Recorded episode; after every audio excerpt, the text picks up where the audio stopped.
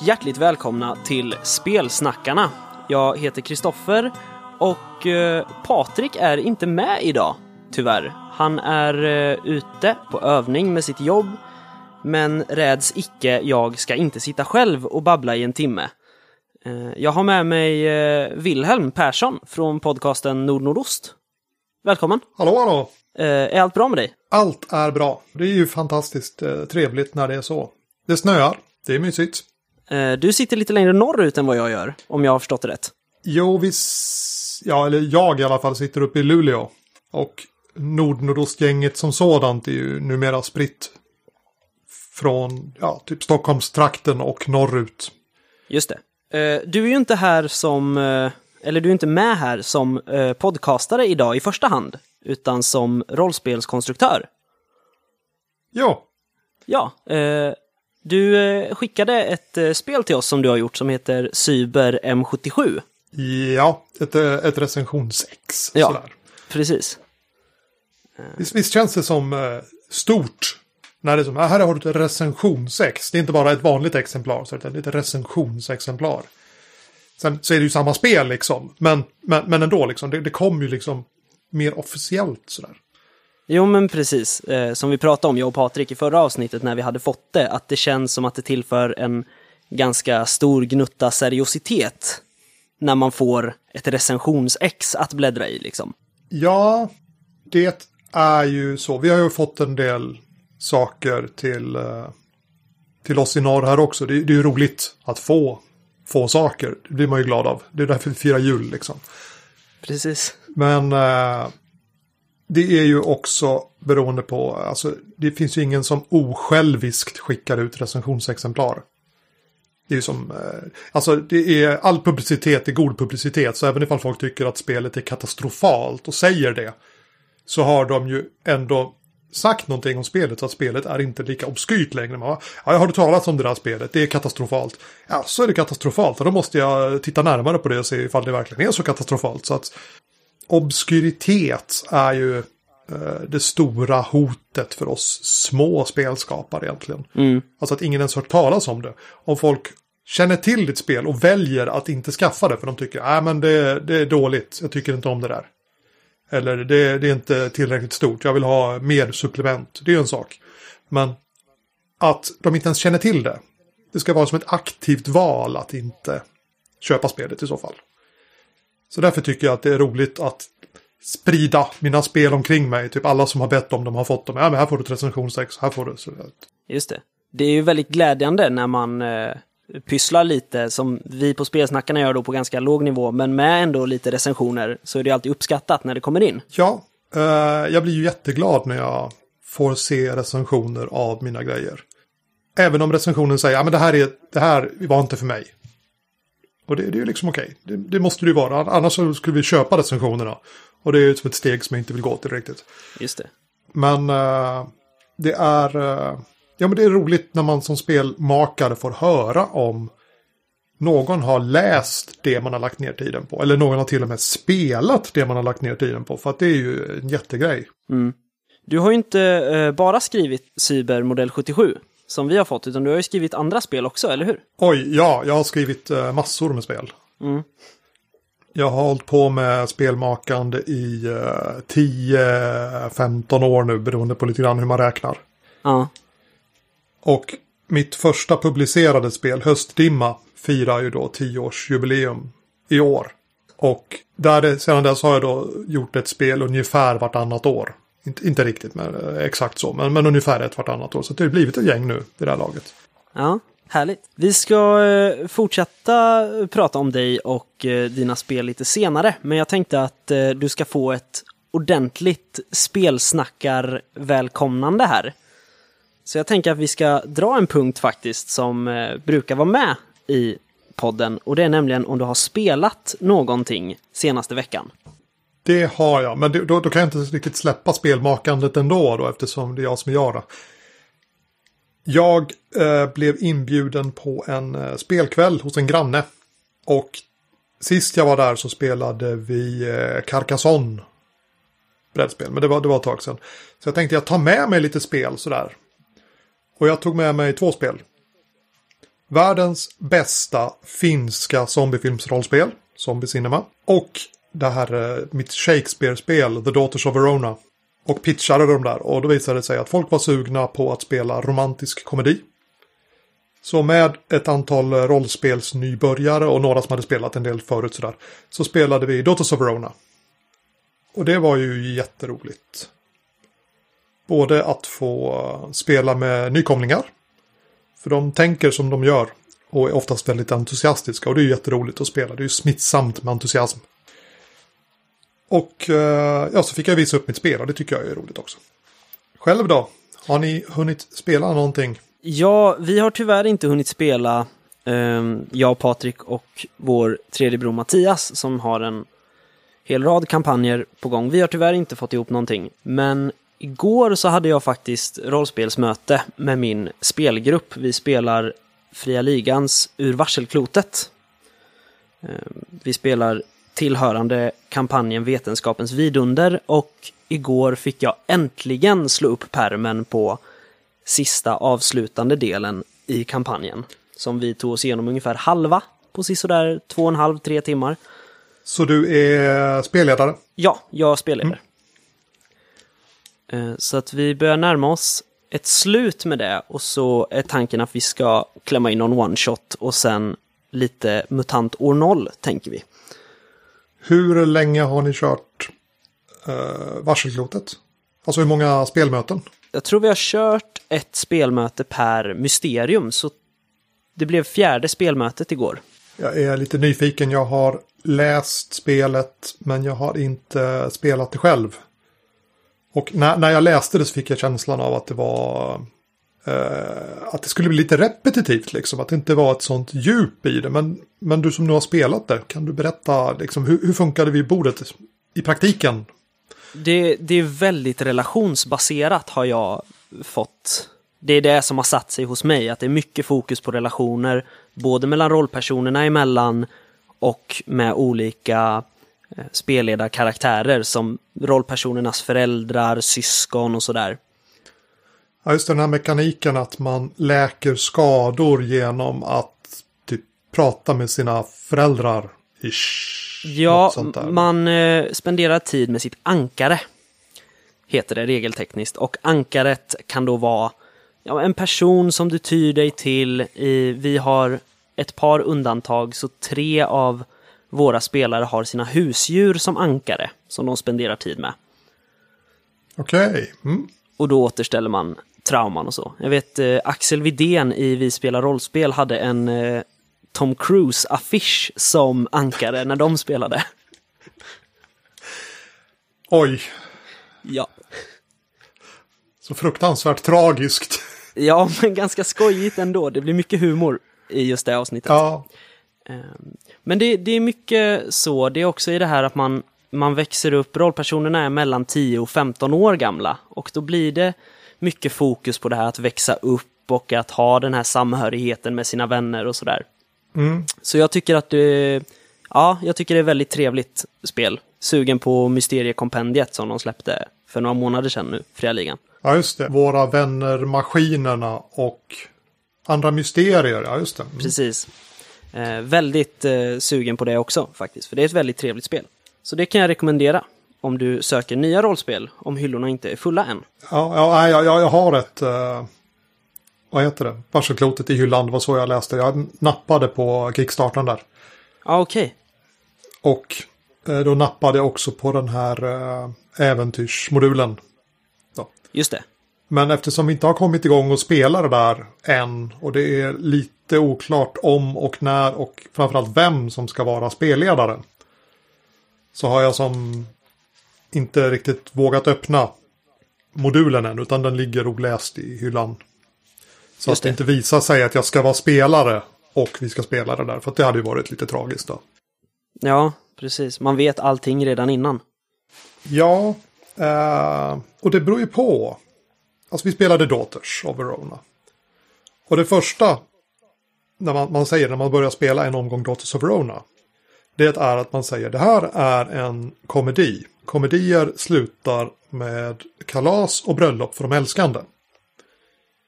Det vill säga att Ja. alla spelarna vet redan hur det slutar. Alltså de här människorna som tycker om varandra, de kommer att gifta sig i sista scenen. Så att slutet är som redan spoilat på något vis. Och sen så spelar man liksom för att man är på väg dit och man ser hur det kom sig att de fick gifta sig till slut. Då. Just det. Och det funkar ju. Men om man spelar som ett, ett gåtlösarmysterium så här. Ja, ni, ni, och, mystisk herrgård och greven ligger död i hallen. Och eh, alla spelar, man säger, och det är butlern som har mördat honom. Och nu ska vi forska fram hur ni listade ut det. Det känns som inte riktigt samma, samma grej. Det är lite känsligare det där med att känna till grejen. Ja, precis. Jo, men det kan jag hålla med om. Absolut. Jag har ju faktiskt spelat ännu mer. Jag har ju äntligen köpt eh, Arkham Horror, The Card Game, nu också. Av Fantasy Det Flight har Games. jag och eh, Mattias som är med på podcasten. Det spelar vi. Vi håller på att köra kampanj. Mm. Vilken kampanj kör ni? Vi kör, oj, vad heter den? Det, det var den första kampanjen som kom till det. Eh, Dunwich Legacy? Ja, något sånt kanske det, det heter. Ja. Första lådan som kom till. ja, jag skulle tro att det är den vi Mm. spelar. Det är Mattias spel. Och han är som en, som en spelledare för det där. Så att han preppar och förbereder allting och sen säger nu ska vi spela. Och så bara dyker vi upp och så har han, här har ni er kortlek som ni hade förra gången. Och han har som läst in sig på scenariot. Och så kör vi på Just det viset. Jag har förstått att det finns en del som sitter och kör där solo liksom nöter och testar olika vägar och sådär. Men vi kör den mer eller mindre som ett rollspel. Fast, fast kortdrivet och spelet är spelledaren. Men han är som eh, facilitator. Som vi brukar säga. Då. Just det. Men det är coolt. Ja, det är riktigt häftigt. Jag körde det solo. Så jag körde kampanjen själv först. Mm. Eh, Det tog två dagar. Så kul tycker jag det är med nya spel. Eh, Så två kvällar, sen var jag tvungen att köpa Dunwich Legacy också. Men jag har låtit bli än så länge. Jag har spelat om med en av mina vänner, eh, David, som är med i rollspelsgruppen och som har bidragit med lite trevliga spelmöten innan och så. Så vi håller på att ta oss igenom grundkampanjen i grundlådan och så får vi se vad som händer sen. Uh, jag tycker det är coolt. Och det är som ganska enkla medel de har i spelet. Alltså reglerna är ganska enkla, principerna är ganska enkla, men det är ändå ett jättespann på vilken typ av äventyr och berättelser de kan göra med dessa enkla medel. Och det tycker jag är coolt. Ja, eh, bara det här när man ska, just mekaniken att ta en token ur en påse och eh, se hur mycket minus du får och se om det ställs mot din färdighet. Alltså, bara den tyckte jag var så oerhört smidig och trevlig på något sätt. Det blir så spännande. Ja, och de har ju som en tabell. Ja, ska ni spela en ganska lätt omgång. Om ni är nybörjare liksom. Då ska ni stoppa de här tokens i påsen. Men är ni lite tuffare så ska ni ta bort några av de här bra tokerna. Och är ni riktigt hård, hardcore då ska ni ha som extra svåra tokens. Så att de kan ju som justera svårighetsgraden på spelet. Bara genom att ändra vad som finns i den där påsen.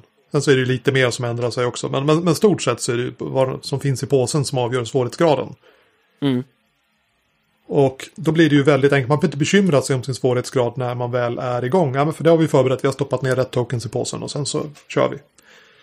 Ja, precis.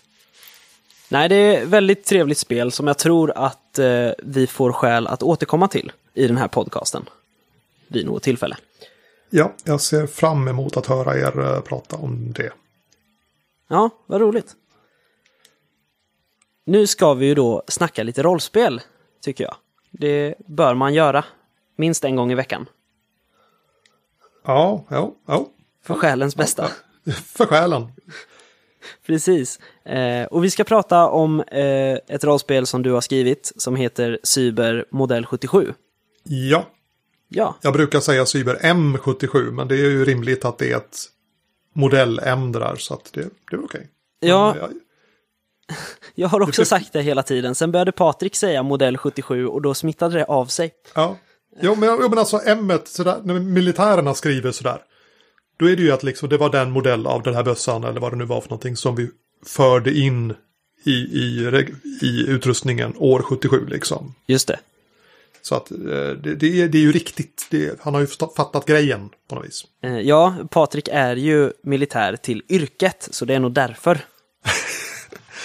Där ser man, ja. Ja. Ja, precis. Vi har ju skrivit lite frågor till dig, jag och Patrik, som vi tänkte att du ska få nysta i så gott du kan. Du kan få börja med att pitcha spelet, tycker jag. Ja. Cyber M77 är ett eh, cyberpunk-rollspel i klassisk svensk stil. Och med cyberpunk så menar vi naturligtvis eh, denna regniga, neonbelysta framtidsstad fylld av cyborger och artificiella intelligenser och svävande bilar och grejer. Och med klassiskt svenskt rollspel eller klassisk svensk stil så menar vi spel som såg ut som rollspel, svensktillverkade rollspel gjorde under 80-talet. Under ja, äventyrsspels eh, guldålder där då. Just det. Så att det är ett eh, retro-rollspel fast på svenska. Och som spelare hamnar man då mitt i den här framtidsstaden då. Med allt neon och regn och allt det där. Ja. Och vad man gör sen, det är som Eh, det beror ju lite grann på vad spelledaren har för äventyr då. För att det är ju som en grej att man har spelledare och sådär. Det slog mig när jag eh, läste reglerna, så den första frågan som jag fick egentligen det var Vad tycker du om regn egentligen? Eh, för det finns en tabell där man ska slå på vad det är för väder. Då ska man slå en 20-sidig tärning och får man 1 till 19 så regnar det och får man 20 så är himlen grå och det börjar regna när som helst. Ja, visst är det en bra tabell? Fantastisk tabell. Alltså, för mig då, som är ett, en, ett, eh, en människa som hade mina formgivande år där, alltså min tonårstid under eh, ja, slutet 80-talet, 90-talets början liksom sådär. Det finns en fantastisk sketch Eh, där de ska göra Astrid Lindgren-pjäs. Fast som film, det är 90-tal, det regnar. Och det var verkligen så på 90-talet att i eh, alla deckare och thrillers och sådär så var det liksom gråmulet och det regnade. Och sådär. Så att ja, det är liksom en del av grejen det här. Eh, och den här ikoniska scenen i Blade Runner till exempel när han går runt bland nudelstånden. Ja, men det regnar. Det är en del av eh, settingen. Att säga att det regnar, det ska liksom föra folk in i, eh, vad heter det? Ja men in i den känslan som hela staden har. Ja men det regnar. Så jag vet inte ifall det är att jag personligen är som jätteförtjust i regn. Men det är en del av uh, själva estetiken runt hela, hela grejen. Sådär. Så, och jag ville framföra det på ett sätt som, ja visst lite grann med glimten i ögat. Uh, men ändå, så. Det regnar. Just det. Det känns som att det kanske bidrar till den här uh, dystopiska känslan som det ändå är. Eftersom ja. vi, vi befinner oss i en framtidsstad där storföretagen styr och medan människor kan ha det helt förjäkligt på, på de lägre gatorna liksom så sitter storpamparna och blir bara rikare och rikare. Ja, och så regnar det till på köpet liksom. Ja, precis. Jag har ju inte, jag har inte spelat något cyberpunk-rollspel. Jag har inte hunnit spela det här än heller, tyvärr, men eh, jag hoppas få göra det snart, för det, jag är jättepepp på det. Men så jag vet inte om det är en allmän cyberpunk-grej det här att storföretagen tar över och utanför staden är det bara ödelandskap i princip. Eh, för jag fick en otrolig vibb av eh, MUTANT 2089. Eller nya MUTANT av, ja, från äventyrsspel. Precis. Ja, uh, alltså att det finns onda företag eller stor, att, att det finns en social konflikt mellan de fattiga och de rika. Sådär. Det är ju absolut en, en del av, eh, av själva cyberpunk-grejen. Att eh, det handlar om personer som står lite grann utanför systemet och gör uppror mot detsamma. Eh, ett, ett mått av ja, klasskamp kanske, men kanske inte motiverat just av, av klasskampsmotivationer, eh, utan det kanske är egoistiska skäl egentligen. Men, men fortfarande så är det eh, de fattiga mot de rika på något vis. Och sen att det är en, en fruktansvärd ödemark utanför staden. Det, är, det ska inte finnas någon anledning att vara där. Det är staden som är grejen. För att inte racka ner på andras spel, men nu är väl Nya MUTANT förlåtet då eftersom det är 30 år gammalt. Uh, där var det ju som, det följde, eh, det var ett coolt spel som utspelades i staden, men skulle det vara riktigt coolt, då skulle man lämna staden och göra saker utanför staden. Och jag ville inte fastna i den samma situation här. Så att här är det bara, ja, och utanför så är det bara en ödemark. Sen kommer det ingenting mer där. Det finns inga regler för att lämna staden. Det finns ingen beskrivning av vad spännande äventyr som väntar där utanför. För att vi ska hitta de spännande äventyren i själva staden. Och det är också en sån där genre-grej egentligen tycker jag. Just det. Eh, det står också att anledningen till att det inte finns så mycket att hämta utanför, alltså i den här ödemarken utanför stads, stadsporten liksom, är att alla jordens resurser, eller till och med jordens sista resurser, går till städerna. Är det, anar man lite samhällskritik eller är det bara en häftig setting du har fått till? Uh, alltså det, det, är ju inte en setting i, i, spelet egentligen. Det är ju uh, massa små, element, små brottstycken som man som spelledare eller som spelgrupp själva får maka ihop lite grann sådär. Men visst var det så. Under den där perioden då cyberpunken var den stora grejen. Då var det ju eh, miljömässiga domedagsprofetior. Det var ju grejen. Vi hade tung industri i Tyskland och otillräcklig eh, eh, vad heter det? rening av utsläpp och sånt där. Så det stod ju att läsa i tidningarna om försurat regn. På tv så visades det bilder av helikoptrar som bombade kalk ner i sjöar för att bekämpa försurningen. Miljöhotet var på något vis mer aktuellt då än vad det är nu. Alltså nu, nu pratar vi om de stigande haven och sådär. Och de smältande isarna. Eh, I på polartrakten. Och det är, det är förmodligen ett, ett mer akut problem på sätt och vis då än, än de här miljöbekymren som vi kämpade mot på 80-90-talet. Och Eh, det, det färgade som världen så mycket så att det letade sig in i science fiction. Men om vi, om vi inte gör någonting, vad händer? Om vi bara skiter i det här och låter miljön gå i papperskorgen. Liksom. Vad, vad, vad ska vi göra? Eh, och det tycker jag också är en, en sån del i eh, grejen att, att det är dålig miljö. Skulle man skriva ett, ett modernt cyberpunkspel som där man driver de miljöfrågor som vi brottas med idag till sin yttersta spets. Ja, men då kanske det är att polarisarna har smält, Golfströmmen har vänt och Sverige är lika kallt som Alaska och det är två meter vatten överallt. Men eh, jag ville att spelet skulle vara lite retro sådär. Det skulle vara som det var förr. Fast det är ett nytt spel, men ja, det skulle återspegla den tidsanda som rådde då. Ja, just det. Så det, det skulle lika gärna kunna vara skrivet på 80-talet egentligen. Om man, om, man, eh, om man tycker det när man läser det, då blir jag jätteglad. För då har vi lyckats. Sen eh, är det väl, går, går det väl att diskutera hur, hur väl vi har lyckats. Sådär. Men om man tycker att ja, men det, här är ju, det här är ju riktigt som det, som det var förr, liksom, då har vi verkligen lyckats. För det ska ju vara som ett, ett, ett gammalt spel, fast nyskrivet. Ja, eh, jag var inte med förr, tyvärr. Jag är ju född lite för sent. Eh, så jag fick inte uppleva eh, äventyrsspels guldålder och eh, 80-talet överhuvudtaget. Men efter vad jag har läst av gamla rollspel så får man ju verkligen de vibbarna.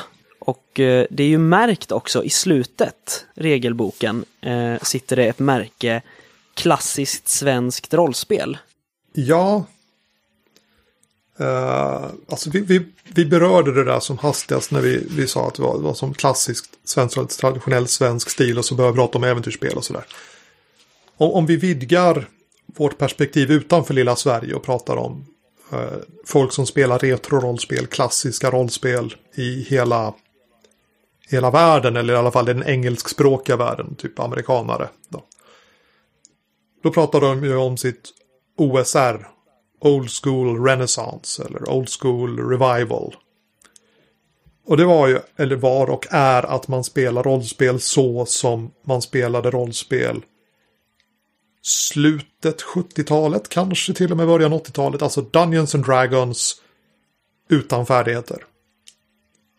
Dungeons and Dragons första version liksom sådär. Och, och versionerna som kom före det och lite kanske lite efter sådär. Och, och kloner på de versionerna.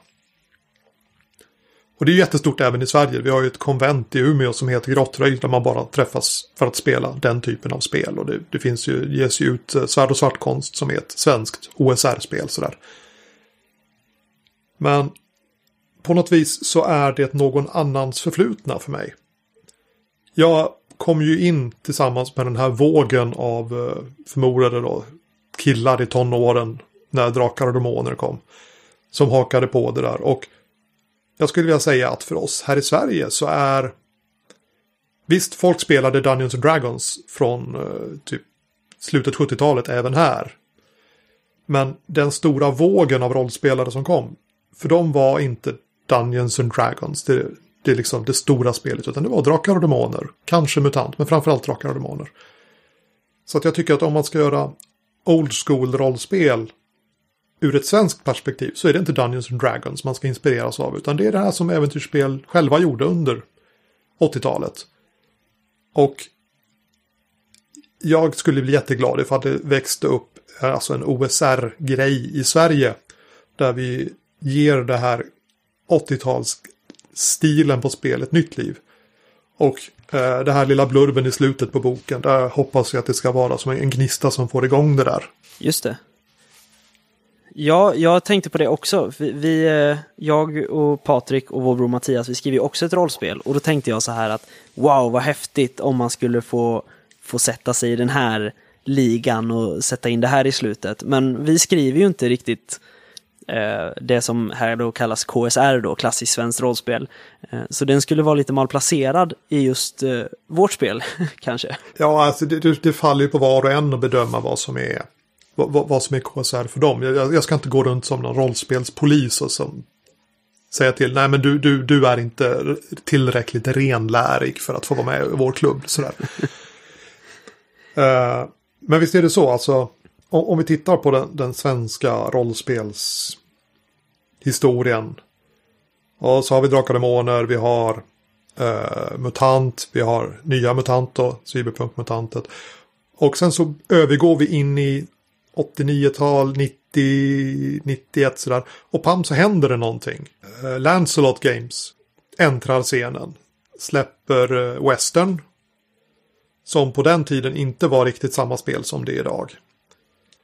Uh, vi får uh, Kelatar. Vi får Wastelands. Äventyrsspel släpper sitt Kult.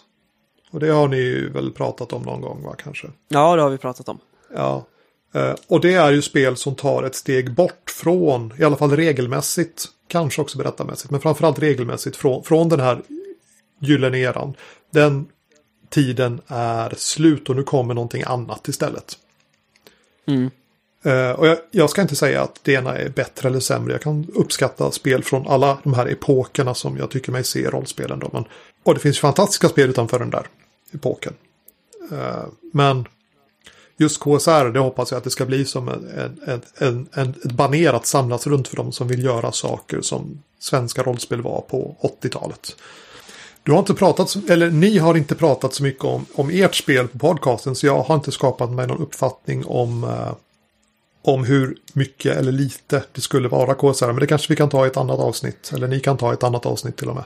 Ja, så eh, lär det nog bli. Men det är inte så mycket det är mer att gamla, gamla rollspel-Sverige ligger nog snarare i, eh, i backspegeln skulle man kunna säga.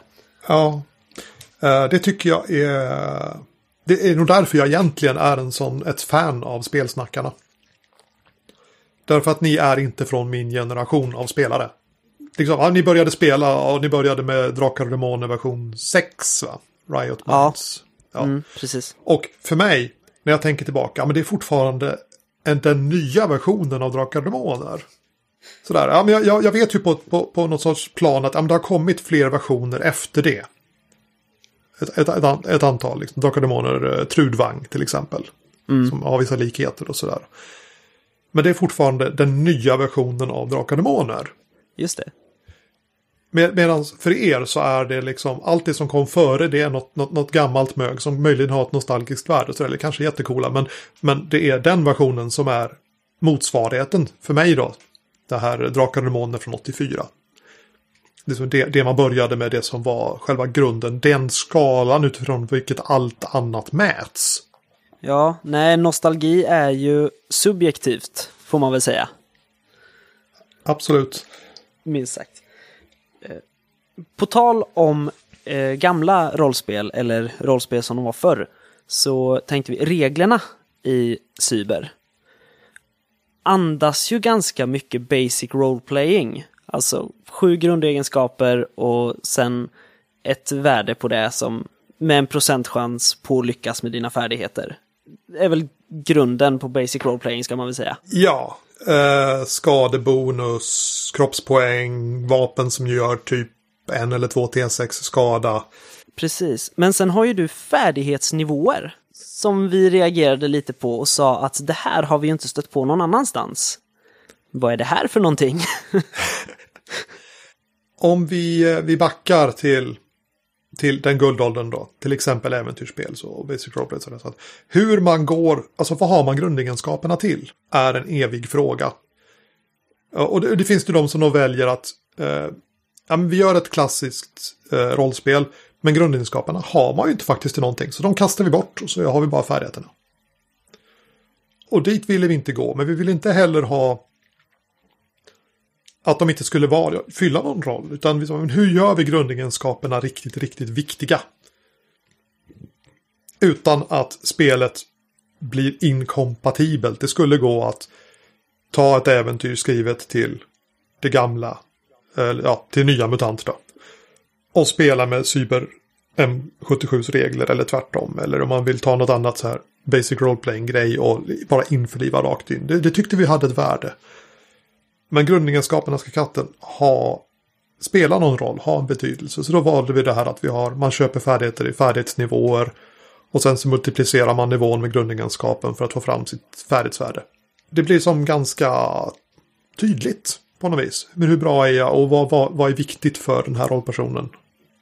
Man, man ser de här plupparna på rollformuläret, staplarna liksom. Att ja men så här bra blev jag liksom. Just det.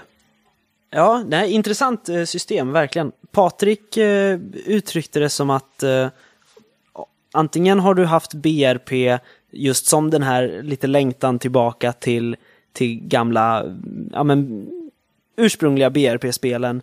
Och sen så har du tagit det då och utvecklat eh, världens bästa regelsystem. Oj. Egentligen.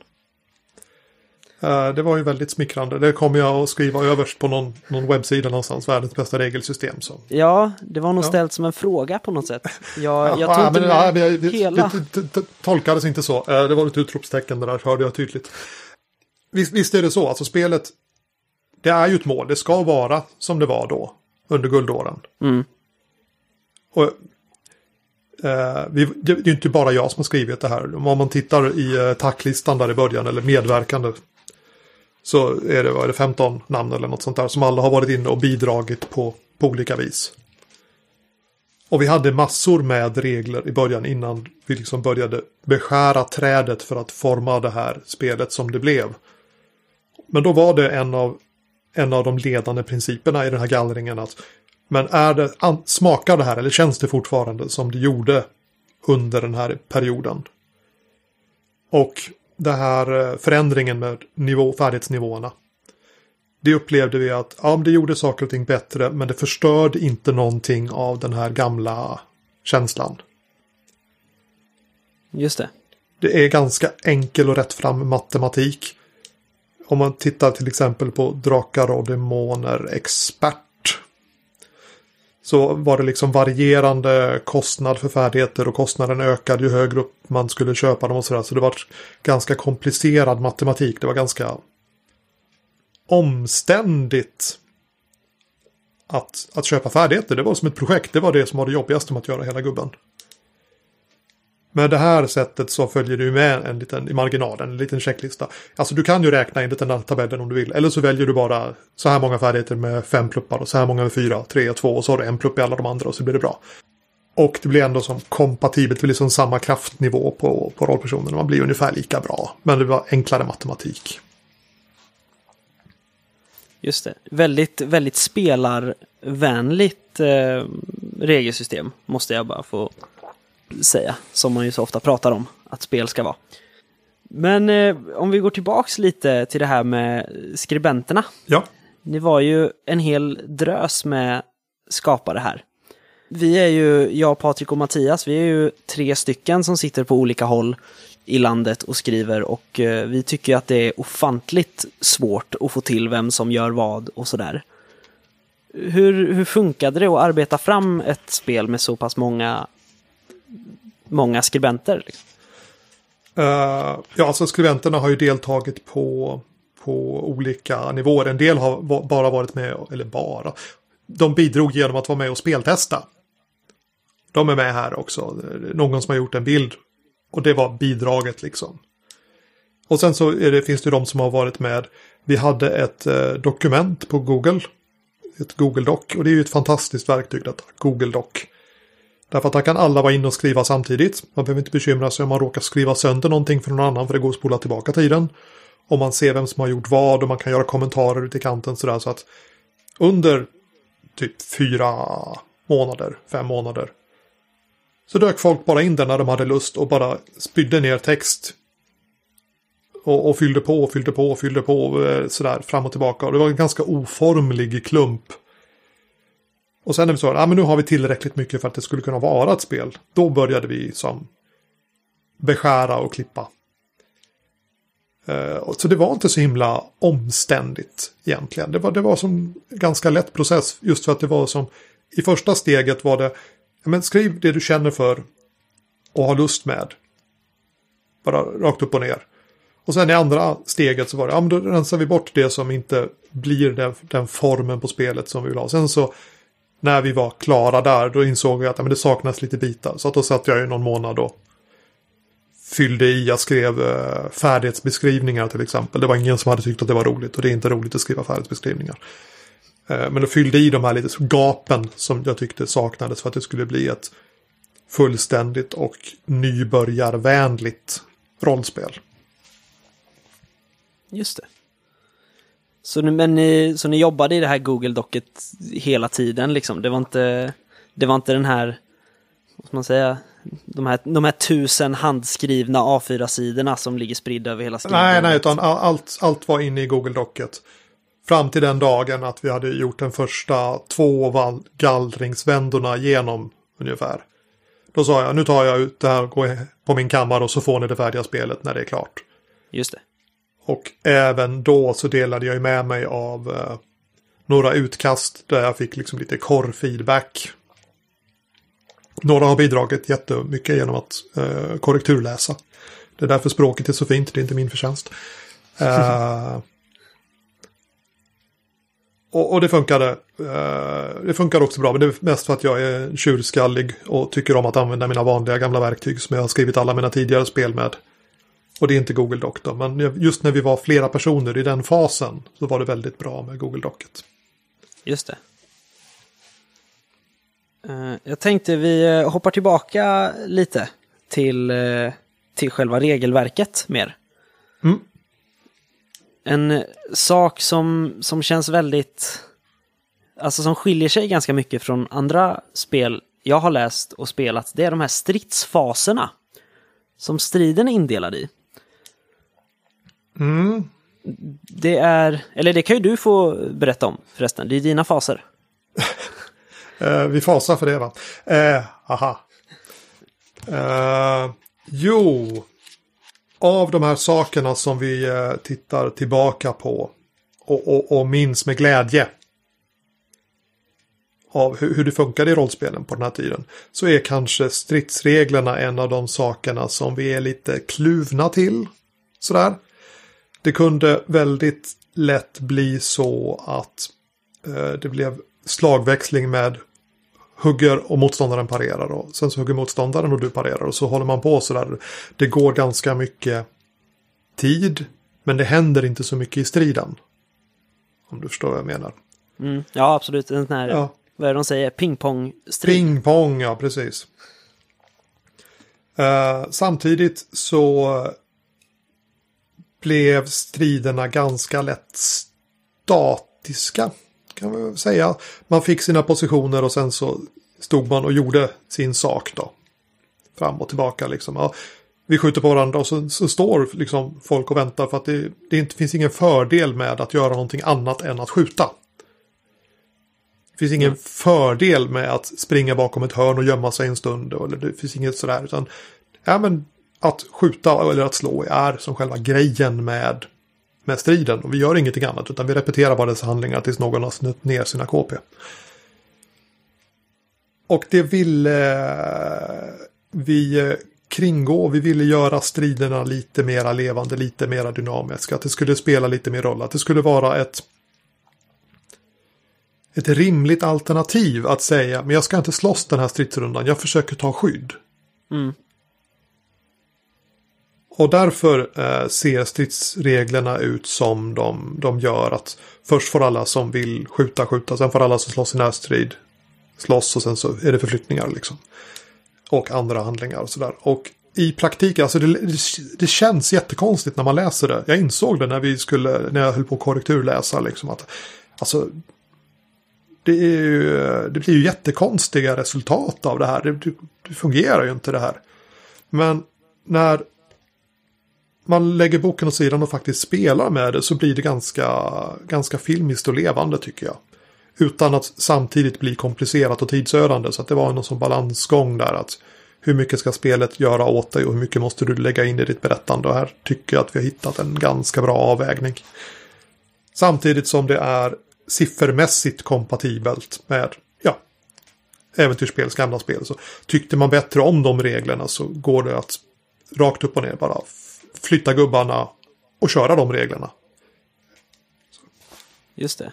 Det är väldigt tydligt med det i början på, uh, av boken till uh, Cyber här att man får göra, man kan ta lite precis vad man vill. Man, uh, man råds ha en blyertspenna och stryka under och ringa in de bitar av reglerna man tycker om för spel. Vilket jag måste säga är helt fantastiskt. Nej men alltså det, det finns ju finns ju nästan alla spel säger att spelledaren har alltid rätt eller det är era regler, gör vad ni vill och sådär. Men jag tänkte att jag skulle underskriva, ifall det nu skulle vara någon som var som jag sådär 12 år och fick det som sitt första spel.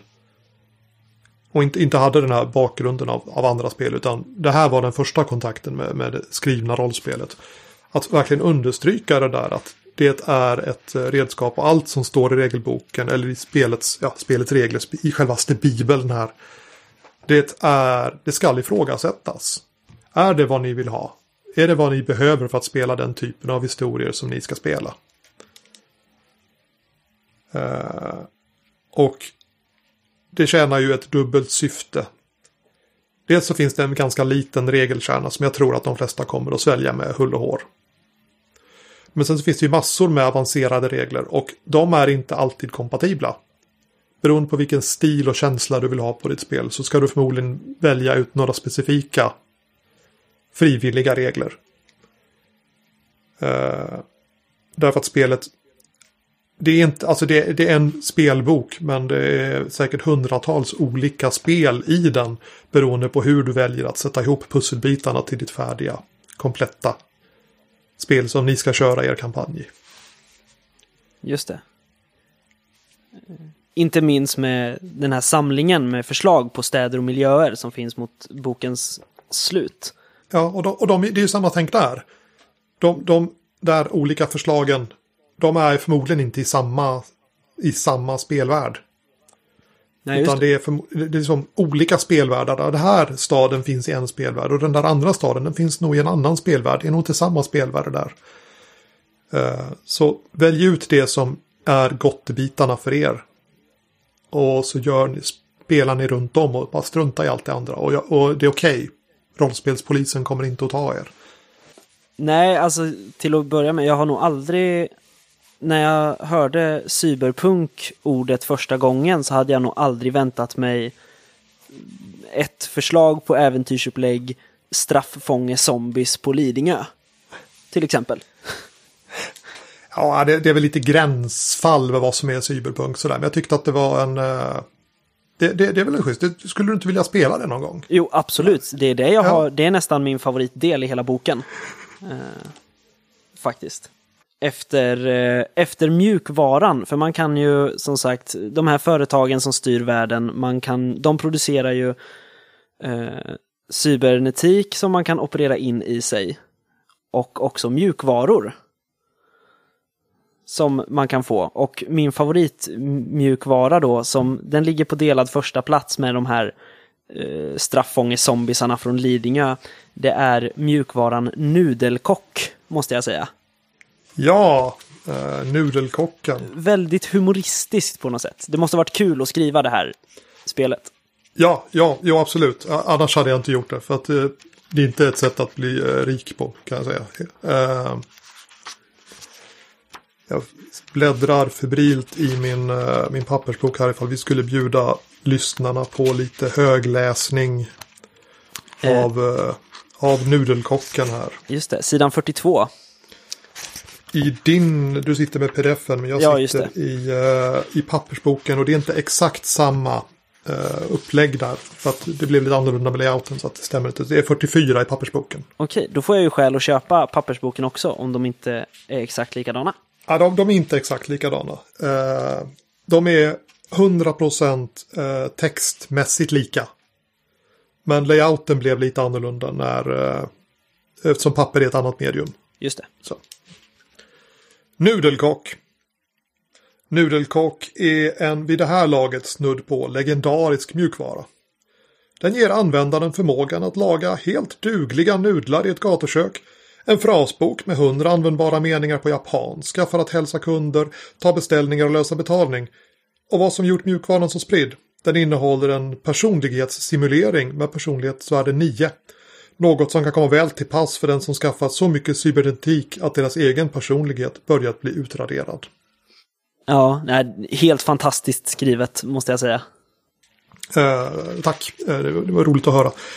Eh, och alltså det finns bara, ska vi se här, en, fem, sex stycken olika, nej, fem olika mjukvaror Ja, i, i hela boken. Eh, men de beskriver, de, var och en av dem beskriver som ett område som man kanske vill göra mjukvara med. Och sen så är det som en inbjudan att typ så här skulle du kunna göra mjukvara, så här skulle du kunna göra, så här skulle du kunna göra. De mjukvaror som ni behöver för er kampanj måste ni förmodligen skriva själva. Jag misstänker att det blir lite tröttsamt om alla ska ha nudelkock. ja kanske. Annars kan det bli en kampanj i sig. En kampanj säger att man öppnar en nudelrestaurang i eh, framtidsstaden. Serverar nudlar till regnvåta besökare. Under blinkande neonlampor där. Mm, ja, Ja, varför inte? det låter som du har en, ett litet supplement eller något sånt där att, att bjuda på där. Ja, eh, vi är ju, jag och Patrik i alla fall, känns det som att vi är väldigt sugna på att börja spela. I alla fall Patrik, han har skrivit till mig och talat om att nu har jag gjort en karaktär till Cyber. Eh, så nu är jag redo. Sådär, ja. Och jag försökte säga då, men Patrik, vi ska ju recensera, vi har ju fått ett recensionsex. Ja, men då måste vi spela också först, sa han. Eh, men det tycker jag är en, en, en självgärning. Alltså det finns... Debattens vågor har tidigare rasat. Kan man verkligen recensera ett spel utan att spela det? Är, är det verkligen, går det att läsa sig till hur ett spel fungerar? Nej, alltså vi har ju prövat på det själva eh, när vi pratade Kult till exempel, så, som Patrik kanske har spelat någon gång på 90-talet. Han minns inte riktigt. Det, är ju, alltså det blir ju de svåraste sakerna att prata om. För att man, kan, man uppfattar ju på ett sätt när man läser och sen på ett annat sätt när man faktiskt spelar. Ja. Så, så är det verkligen. På, på en del forum där jag hänger så gör man som skillnad. Jag recenserar det här spelet. Det är en eh, kapselrecension, det vill säga jag har suttit inspärrad med boken och jag har läst igenom den och här är mitt utlåtande. Och sen finns det de som säger, ja men det här är en speltestrecension, det vill säga vi tog boken, vi spelade spelet och så här tycker vi om det. Och jag tycker att båda har ett värde. Båda typerna av recensioner. Men jag tycker man ska vara tydlig med vilket perspektiv man har när man recenserar. Den här Absolut. recensionen utgår från att jag har läst boken. Jag tycker att det här verkar som ett bra spel. Eller, jag har spelat det här spelet, tyckte det var ett jättebra spel. Vi ändrade bara följande regler. Och vår spelgrupp tycker i allmänhet om att spela blodiga grottröj och hitta mycket skatter. Det säger ju också någonting om spelet. Alltså att den här människan som tydligen spelar på det här viset, de hade jätteroligt med spelet. Spelar jag på det viset i vanliga fall så kanske det spelet är någonting för mig också. Eller om, nej men jag är ju en sån här eh, introvert eh, indie-hippie-spelare som vill, vill spela relationsdiagram liksom. Nej, det, det där spelet är inte för mig. Men det var ju bra att recensionen sa att de hade jätteroligt när de kom från det där grottröjsperspektivet. Just det.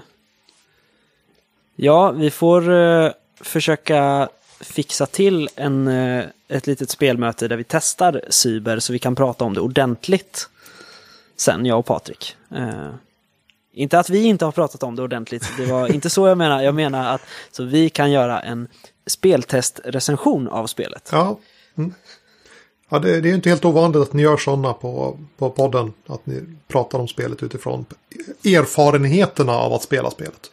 Nej, precis. Man, man kommer ju diskussionen ett steg närmre då, eh, tycker jag. För det är lättare att, att prata om mekaniken på ett annat sätt och man kan säga att ja, men den här regeln plockade vi bort. Alltså som du säger, för att den Mm. passade inte vårt spelsätt eller den var för krånglig och, och bidrog inte till berättandet och, och sådana saker. Men läser man bara boken så, så kan ju alla regler verka jättebra eller jättedåliga. Eh, ja, ja. Alltså jag, jag, jag har lite svårt för det där när folk säger åh, det här spelet är ett bra rollspel. För det, jag kan inte själv säga kriterierna för ett bra rollspel. Och jag tror inte att de själva kan det heller. Jag skriver 100% under på att det här är ett spel som vi har jätteroligt med. Och därför tycker vi att det är ett bra rollspel. Men entydigt, om det fanns en, en skala på vilken man entydigt kunde säga det här gör spelet bättre. Det här spelet är objektivt bättre än det andra spelet. Då skulle vi inte ha den här floran av spelmakare. För det, det fantastiska spelet skulle redan vara klart. Det fanns ett spel och det var det bästa spelet. Ja. Att hitta det spel som resonerar med ens egen spelstil och preferenser just det ögonblicket man spelar. Jag tror det är grejen. Ja, men det tror jag också. Där är, där är vi nog något på spåren. Eh, men det är, ju, det är ju bara att titta på, på MUTANT-franchisen till exempel. Som, det är så många olika utgåvor med olika synsätt på hela världen överlag. Just för att det är så många olika människor som har sett spelet på olika sätt. Och därför har skrivit det på olika sätt. Absolut. Eh, och det märker man ju redan i... Eh, om man bara tar en version av MUTANT. Och så tittar man på äventyren till den versionen. Då ser man att äventyrsförfattarna har lite olika uppfattning om vad det här ska vara för någonting och hur, hur det ska gå till egentligen. Eh, och det tycker jag är, är roligt att det finns en sån otrolig bredd. Det finns ett spel för alla. Det gäller bara att hitta det där spelet. Och då är människor som recenserar spel till jättestor hjälp. De som är kuratorer i speldjungeln på något vis. Eh, går igenom mycket material och delar med sig om sina tankar så att man inte själv behöver läsa alla världens rollspel utan att man kan få, få tips. Just det. Jag har ju ägnat eh, åtskilliga timmar åt att recensera rollspel. Jag har en blogg på vilken jag har, jag vet inte om det är 30, 40, 50 recensioner vid det här laget. Och jag tycker att det är roligt att recensera spel sådär. Men, eh, så det tycker jag är bra. Om man inte orkar skriva ett spel, recensera någon annans spel i alla fall. Då. Det har också ett värde för hobbyn. Ja, absolut. Ja, eh, det var nog alla frågor vi hade just till Cyber. Ja, Plus lite andra diskussioner runt om. ja det, det, det blir ju gärna så när jag är med i matchen att det blir lite stickspår och sådär. Ja, men det, det är ju så vi jobbar här på Spelsnackarna också. Så det är ingen fara. Alltså egentligen så är det stickspåren som är roligast. De är själva Ja. grädden på moset där. Eh, Jo, men så är det nog. Det, det är i stickspåren de riktigt bra diskussionerna finns. När man inte är så, så tillrättalagd och mediatränad och perfekt utan eh, det, det liksom det, det kan hetta till och bli spännande. Men eh, då kanske vi ska börja runda av där. Ja, jag, jag ser på, på mätaren i min inspelare att vi närmar oss en timme och det är ju en ganska lagom längd. Ja, precis. Längre orkar man inte lyssna på, säg. Nej, brukar det komma klagomål. Eh, tack för att jag fick komma. Tack för att du ville vara Eh, med. Det har varit eh, jätteroligt och jag tycker ju att det är eh, roligt att prata om mina spel och jag tycker att Spelsnackarna är en rolig podcast. Så det var jätteroligt att få vara gäst. Tack för det. Tack själv. Ha det fint. Ha det!